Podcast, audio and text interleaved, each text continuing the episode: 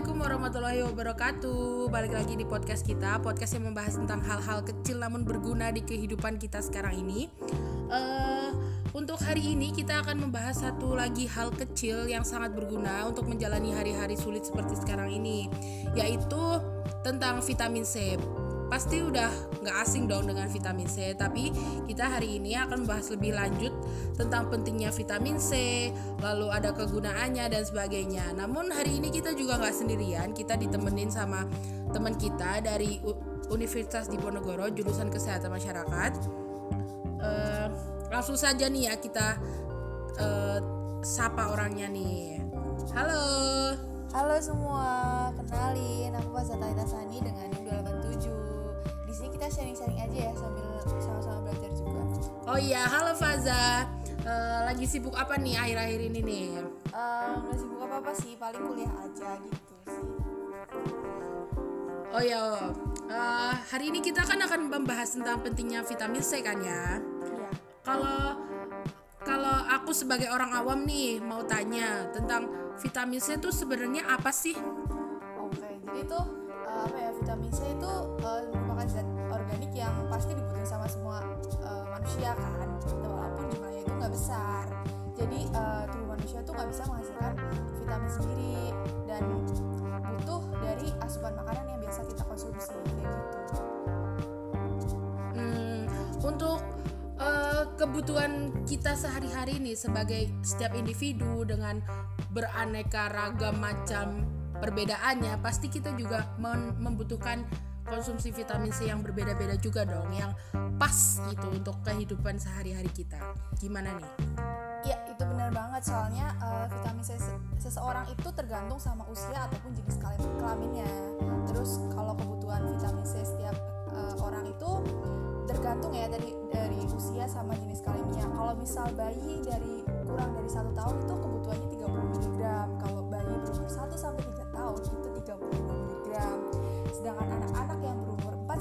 tahun itu 50 mg anak-anak yang berumur 7 sampai 12 tahun itu 60 gram. Dan wanita hamil itu kebutuhannya 100 mg sedangkan untuk wanita menyusui itu kebutuhannya 150 mg kayak gitu. Oh jadi untuk bayi nih untuk bayi berarti nggak boleh lebih dari 30 mg itu udah maksimal gitu ya dan seterusnya. Terus ada lagi nih pertanyaan.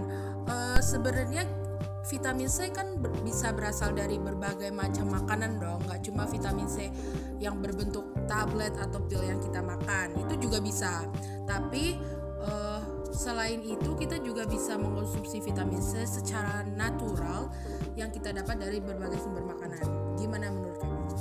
bener banget jadi sumber vitamin C itu udah banyak ya termasuk tadi ada vitamin C yang suplemen kayak gitu kan bisa terus uh, kalau misal yang paling utama itu berasal dari buah-buahan ataupun sayuran nah contoh buah-buahan yang diketahui uh, kaya akan vitamin C itu contohnya nih kayak lemon lokal jeruk nipis jambu biji apel malang dan nanas ataupun makanan-makanan uh, lainnya kayak gitu oh jadi kita dengan mengkonsumsi buah-buahan sayur-sayuran itu kita secara tidak langsung kita juga mendapatkan vitamin C secara natural. Ya, benar banget. Terus untuk sebenarnya untuk vi manfaat vitamin C di kehidupan kita sehari-hari nih. Soalnya sekarang kan lagi rame banget untuk untuk meningkatkan daya tahan tubuh kayak gitu di masa-masa sekarang ini. Sebenarnya apa aja sih manfaat vitamin C selain untuk meningkatkan daya tahan tubuh? sebenarnya manfaat vitamin C itu banyak banget ya ada lagi untuk uh, perbaikan jaringan tubuh dan proses metabolisme tubuh melalui reaksi oksidasi ataupun reduksi.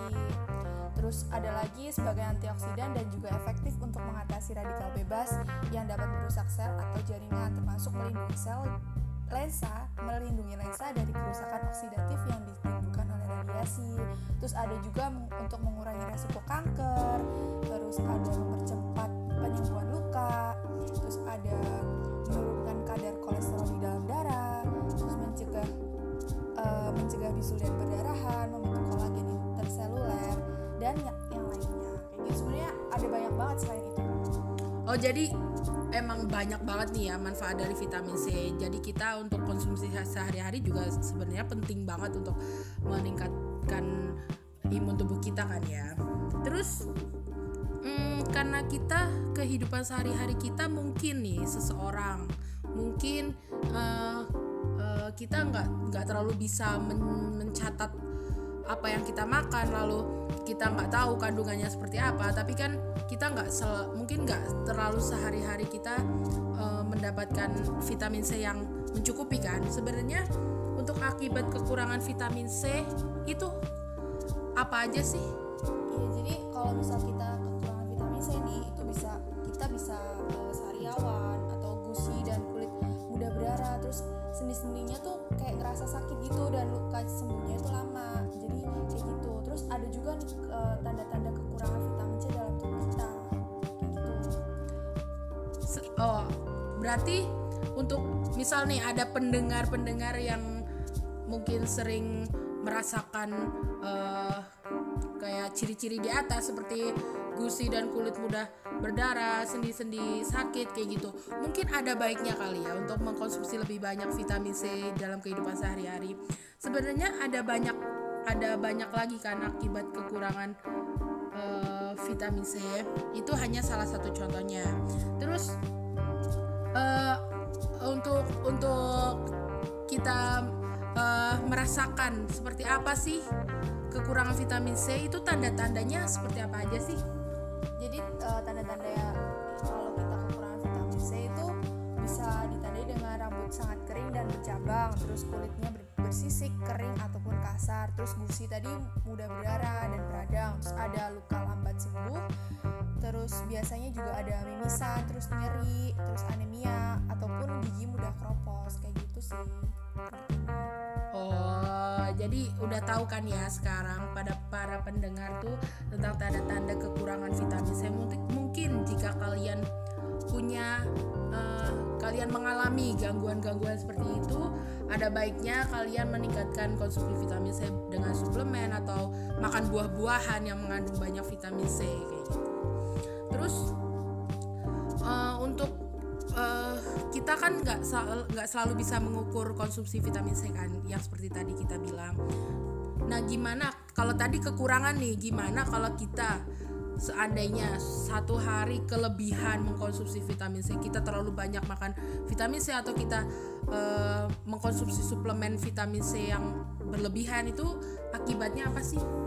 Ya jadi tadi selain misal kita kekurangan juga kita uh, ada dampak negatif bagi tubuh kita kalau misal kita kelebihan vitamin C juga ternyata ada dampak negatifnya jadi kalau misal kita kelebihan vitamin C itu uh, uh, badan tuh menjadi pucat dan kurus kayak gitu Oh emang ya, emang sesuatu yang selalu berlebihan itu emang nggak pernah baik gitu.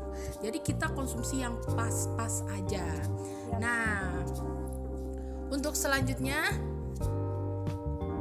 untuk selanjutnya uh, kita kayaknya untuk hari ini kita cukup ya kita udah mendapatkan banyak pembelajaran tentang vitamin C, tentang uh, kelebihan dan kekurangan, tentang manfaatnya apa aja. Kita sudah cukup belajar dari Mbak Faza ini. Terima kasih sebelumnya sudah mampir ke podcast kita hari ini dan sharing tentang pentingnya vitamin C. Oke, sama-sama. Semoga uh, apa yang kita pelajari hari ini tuh bisa diterapkan sama teman-teman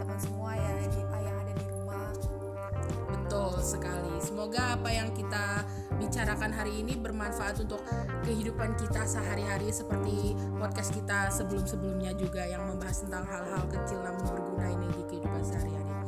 Untuk episode selanjutnya mungkin nanti kita akan bicarakan lebih lanjut kalian bisa follow aja sosial media kita untuk tahu apa isi apa isi yang akan kita bahas selanjutnya uh, untuk hari ini gitu aja mungkin dari kita ya. Uh, tunggu episode-episode selanjutnya dari podcast kita. Thank you so much for listening to us. Dan gitu aja. Assalamualaikum warahmatullahi wabarakatuh. Dadah. Dadah makasih semua